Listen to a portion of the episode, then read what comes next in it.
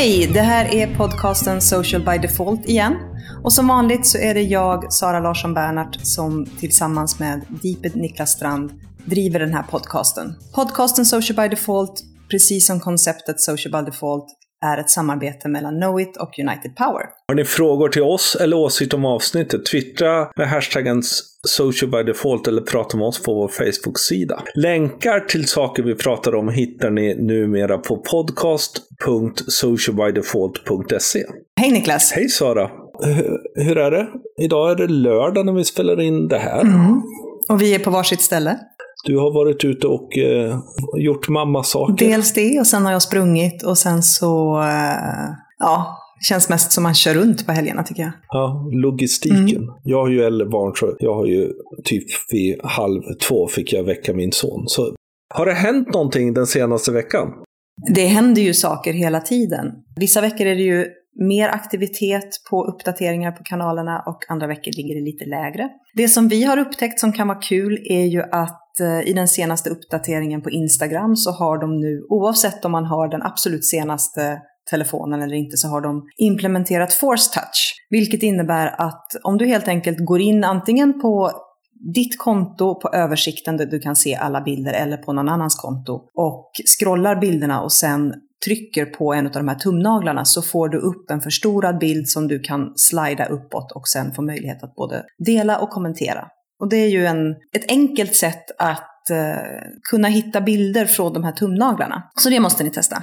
Det är ganska kul att de verkligen har gjort en fejkad force touch för, för de som inte har force touch. Eh, annat som har hänt som vi känner att vi behöver åtminstone lyfta lite grann den här gången, även om vi säkerligen kommer återkomma till det i någon podcast längre fram, det är ju Arla-krisen. För mm. som några av er kanske upptäckte så i onsdags på Uppdrag granskning så plockade de återigen upp den kris som Arla har varit med om. Med mörkning av eh, kvitton och pengar och saker som folk i ledningen har gjort på Arlas, böndernas bekostnad.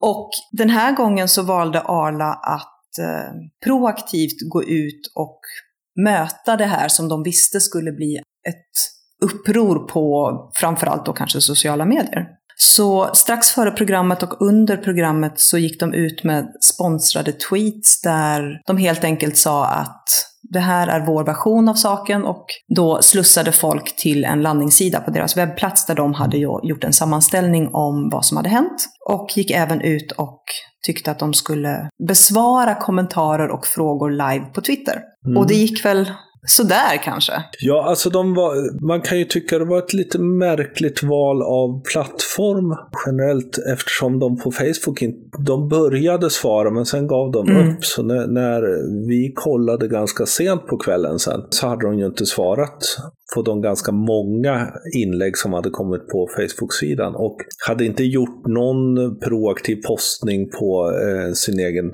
Facebook-sida och sådär. Men det är ju samtidigt intressant att krishantera i realtid på Twitter som de gjorde under programmets tid. Mm. Och sen också att de pitchade på journalister eh, via DM och att det här skulle komma. Precis. Många saker var helt klart lärorika att fundera när man då hamnar i granskning men eh, oerhört intressant att följa och eh, ett litet nytt sätt att, eh, att krishantera.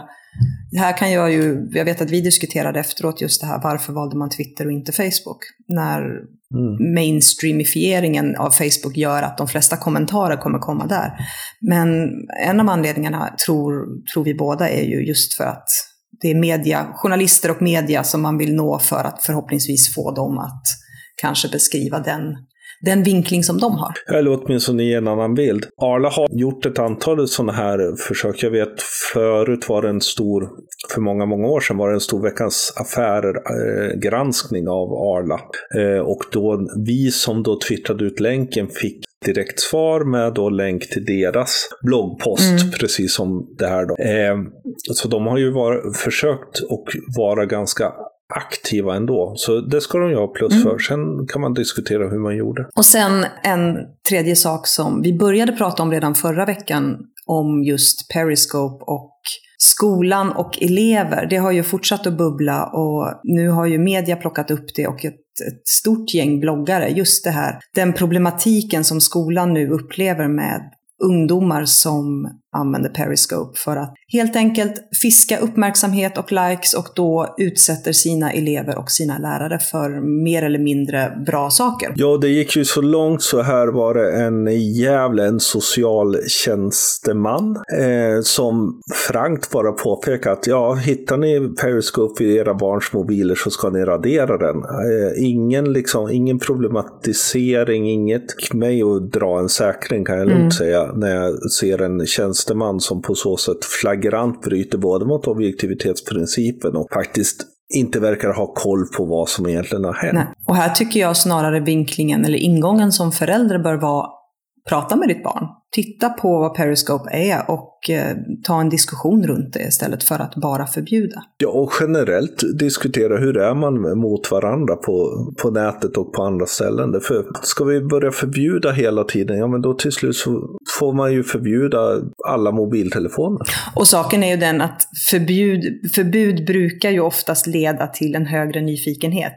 Så Ja, sen så i förra veckan då som hänger ihop det här med förbud så gick väl åtminstone stora delar av sociala medier Sverige totalt bananas över en nyhet då som förklarade att nu införs åldersgränser för sociala medier. Mm. Det var ju då konsumentministern som gick ut med det eh, och SVT drog ganska hårt på den vinkeln. Nu var det väl inte riktigt så. Det är ju en sorts åldersgräns men det är ju lite mer komplext än så. Så jag var ju en av de som drog, drog ytterligare en eh, säkring där och skrev en eh, bloggpost argt eh, innan vi sen, du och jag gick in i en hel dags.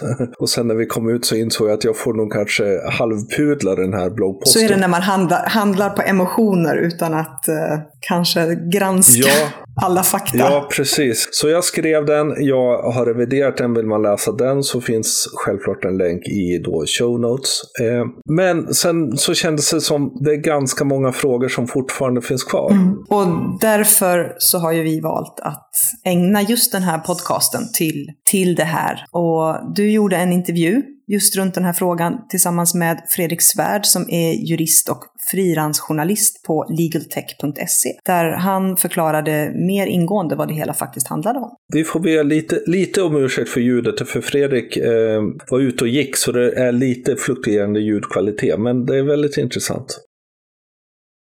Hej Fredrik Svärd! Hej! Du jobbar ju mycket med att försöka förklara och sätta saker i sitt sammanhang. Vad gör du med legaltech.se? Jag är ju då jurist med en viss IT-inriktning kan man säga. Jag, jag skrev min, mitt examensarbete om Safe Harbor när det kom då för typ 10-15 år sedan. Och jag har skrivit om yttrandefrihet och tryckfrihet, medierätt och sådär i, i många år. Men, men, jag är journalist också och, och, det jag gör för det mesta det är att jag skriver om juridik för juridiska branschmedia. Mm. Jag var bland annat chefredaktör för Dagens Juridik som var med och startade och idag skriver jag för Karnov Group och också för medievärlden ibland. Så det är väl min bakgrund. Men Legal Tech då, det är legaltech.se. Det är en sajt som jag startade bara häromveckan. Jag tyckte det saknades ett forum för vissa saker jag ville skriva om som handlar om just IT-rätt, dataskydd, integritet och sådana saker. Så jag drog igång den och förhoppningen är väl att folk ska, eh, jurister och entreprenörer och andra ska vilja vara med och skriva. Och den har ju blivit, det har blivit mycket om dataskydd och ehm, Safe Harbor, inte minst senaste veckorna i och med att det händer väldigt mycket där just nu. Ja, det är ju väldigt mycket nu och mm. det som då hände förra veckan som helt klart du, du hamnade mitt i smet, den delen också, var ju då att det kom ja. ett EU-direktiv där som eh, då en del media kanske drog lite hårt på i rubrikerna därför det helt enkelt började diskuteras åldersgränser för mm. sociala medier. Vad är det egentligen det här EU-direktivet innebär? Eller det är inte ett direktiv, det är en förordning. En förordning, ja. Och det betyder att reglerna blir tillämpliga i Sverige direkt som lag. Och det innebär då att regeringen har egentligen inte så mycket med det här att göra. Utan eh, när, de här träder i kraft så, så gäller de som lag. Så att, att kritisera regeringen för det här, det, det, blir lite missvisande. Man får i så fall kritisera kanske EUs institutioner. Men det det är då, det, är ett, det här är ett jättestort lagstiftningsprojekt. Det man ska göra nu det är att man ersätter det gamla dataskyddsdirektivet från 95 Därför att det direktivet, det kan, man, kan vem som helst räkna ut egentligen, att det kom till 95 och det är det som ligger bakom vår personuppgiftslag bland annat. Då. Det kom till i internets kommersiella barndom. Det är till stor, i stor utsträckning föråldrat. Och nu, nu kommer det nya regler som, ska man sammanfatta det, så det man gör är att man ger användarna betydligt bättre kontroll över hur information om dem hanteras av stora företag, eller av alla företag. Eh, och, och det här ingår också i projektet Den digitala inre marknaden. Och där det, det, är ett EU-projekt som går ut på bland annat att göra det enklare att flytta data mellan medlemsländerna och det kommer också komma förslag om eh, konsumentskyddslagstiftning som går ut på att till exempel eh, att skydda konsumenter som har laddat ner saker eller köpt saker genom att ge bort information om sig själva istället för pengar. Så att man, man kan säga att personuppgifter tas som allvar som en, en handelsvara. Man skyddar den som, som har gett bort information om sig själv. Uh, och vilket, jag menar, det är ju så flesta digitala tjänster fungerar. Mm. Men i alla fall, så det här förordningen den ingår i ett större lagstiftningsprojekt. Och uh, som sagt, den, den Själva förordningen handlar om att ge enskilda bättre förutsättningar att kontrollera hur information hanteras och också att ge företagen incitament att följa reglerna. Det gamla direktivet och personuppgiftslagen var ganska tandlösa. Det, det kostar inte särskilt mycket att göra fel idag. I framtiden så kommer det kosta rejält att göra fel. I, i förslaget så finns sanktionsmöjligheter som går ut på att man, företag får betala upp till 4% av företagets eller koncernens om, omsättning, årliga omsättning. Och det blir ju ganska mycket pengar. Vilke, vem är det som så att säga, ger det straffet och, och kan göra så att säga, den sanktionen? För det, det är ju någonstans att man tänker sig ja, nu ger vi oss på Facebook, men Facebook börjar ju liksom bli stor, stort som ett land i sig. Ja, ja. Som jag förstår så är det ju dataskyddsmyndigheterna i EU som hanterar det här. Och eh, det är ju en intressant fråga. Det finns en möjlighet nu, eller det kommer finnas en möjlighet att döma ut böter. Eh, men hur kommer Dataskyddsmyndigheterna hantera den möjligheten? Kommer, kommer de se sig tillämpa den vid minsta eh, övertramp? Eller kommer det vara kommer man vara mycket mer lösningsorienterad, för att föra dialog med företagen, låta dem korrigera fel och sånt där. Så jag tror att det lutar mer åt det senare. Men vad innebär den här då praktiskt för då sociala medier? För just nu var det åldersgränsen då som var den stora diskussionen. Vad, vad, vad handlar det egentligen om den diskussionen? Den, det här handlar ju om att unga inte ska kunna lämna samtycke till hantering av personuppgifter hur som helst. Så eh, för att någon ska kunna göra det så, så, måste den personen vara i en viss ålder och det blir då mellan 13 till 16 år och det, det kommer väl variera mellan medlemsstaterna. Då. Eh, så det handlar inte om att ungdomar förbjuds använda sociala medier. Det handlar, inte, det handlar egentligen inte om dem överhuvudtaget utan det handlar om hur företagen hanterar uppgifter om unga. Och unga kommer ju kunna använda sociala medier om, de, om deras föräldrar lämna samtycke. Men visst, det finns ett problem här, absolut. Det är inte så att den här, den här frågan var ointressant att, att diskutera eller problematisera. Nej. Så det kan ju vara så, som jag för mig att du skrev också, att uh, unga till exempel inte kan använda sig av vissa kanaler när de behöver skriva om saker helt utan deras föräldrars medverkan. Typ påtala brister eller problem i, i hemmet. Ja, eller som, som jag hade exempel att det, det, finns forum helt enkelt. Jag kanske startar ett forum där jag skapar ett med, alltså en, en medlemskap där det handlar om till exempel att komma ut som homosexuell eller andra sådana saker som man vill diskutera. Ja. Och där helt enkelt man måste vara över 16 för att vara med eftersom, eller, eller be sina föräldrar att få vara med. Och det kan ju vara så att man inte har berättat för sina föräldrar. Ja. Så det var, det var lite där jag nog, jag reagerade väldigt mycket och fortfarande ser ett problem med. Hur tror vi att, eh, så att säga, det här samtycket kommer fungera? Vad finns för olika möjligheter? Ja, alltså företagen kommer nu ha ett ansvar att se till att personuppgifter hanteras på rätt sätt. Och det gör att de kommer ha ett intresse av att se till att den som använder tjänsten är i, rätt ålder. Eh, lagstiftningen kommer ju inte ange exakt hur det här ska gå till. Men man kan ju tänka sig att företagen inte kommer vilja liksom, helt falla tillbaka på klickrutor och att man uppger att ja, jag är 15 år och så nöjer man sig med det. Utan mm. företagen kanske kommer använda nya metoder för att kolla åldern. Det de ska göra är att de ska vidta alltså reasonable efforts. Det är, det är så det är uttryckt. Sen mm. vad det innebär i praktiken, det, det, vet man ju inte riktigt. Men man kan ju tänka sig att de börjar använda e-signaturer eller att de blir mer sofistikerade på att följa upp och kolla användare. Kanske genom någon slags kontakt med vårdnadshavare eller så. Men jag, jag skulle gissa på e-signaturer, att det kan bli en grej framöver. Och det är ju en ganska hård en, en, då är det ju verkligen svårt att komma runt det. Ja, alltså det här, det är en sak som hände i diskussionen när det här när det nu var häromdagen. Så hånades ju det här regelverket därför att det skulle ju aldrig gå att efterleva i praktiken. Det skulle vara meningslöst. Men, men då, då utgår man ifrån att företagen kommer fortsätta jobba på samma sätt med att verifiera åldern. Och det, det, det tror inte jag alls är, är självklart. Nej. Och sen som sagt så handlar det inte om att förbjuda unga att använda sociala medier. Om de gör det så händer ju ingenting för deras del. Det är, det är möjligen då att företagen kan råka i trubbel med Dataskyddsmyndigheterna för att de inte har kollat åldern. Själva agerandet från de unga sida påverkas inte. Så det, det förbjuds inte på något Och det är fortfarande, föräldrarna hamnar inte heller i trubbel mer än om, om den unga då gör något olagligt. För då är det ju, och så är det väl egentligen fortfarande? Nej, det är väl ganska långsökt.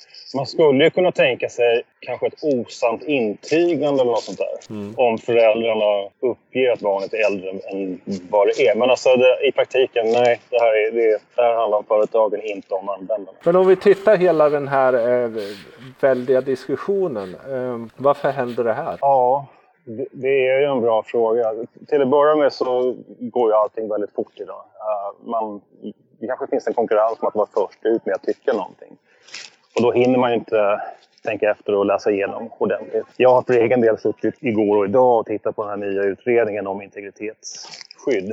Jag inser ju, nu, har, nu sitter inte jag med en deadline så, men jag inser att ska man skriva om det här och är helt oförberedd får i uppdrag att skriva någonting om den utredningen, det är väldigt mycket att sätta sig in i och det kan vara ganska krångligt. Så jag, jag förstår ju problemet. Uh, och då är det ett problem, tycker jag, eller till exempel dataskyddsförordningen, att man börjar från ruta ett när det kommer. Och då måste man jobba i kapp väldigt snabbt och det har man i praktiken ingen, ingen möjlighet att göra. Så att jag tror att det som hände i det här fallet var att det har pågått ett eh, lagstiftningsprojekt i flera år i EU. Och någon gång före jul så kom den här detaljen med åldersgränser med. Men, men det andra har varit känt sedan länge. Men mm. när ministern nu gick ut och berättade om åldersgränsen så det som händer är att det här blir en nyhet för många.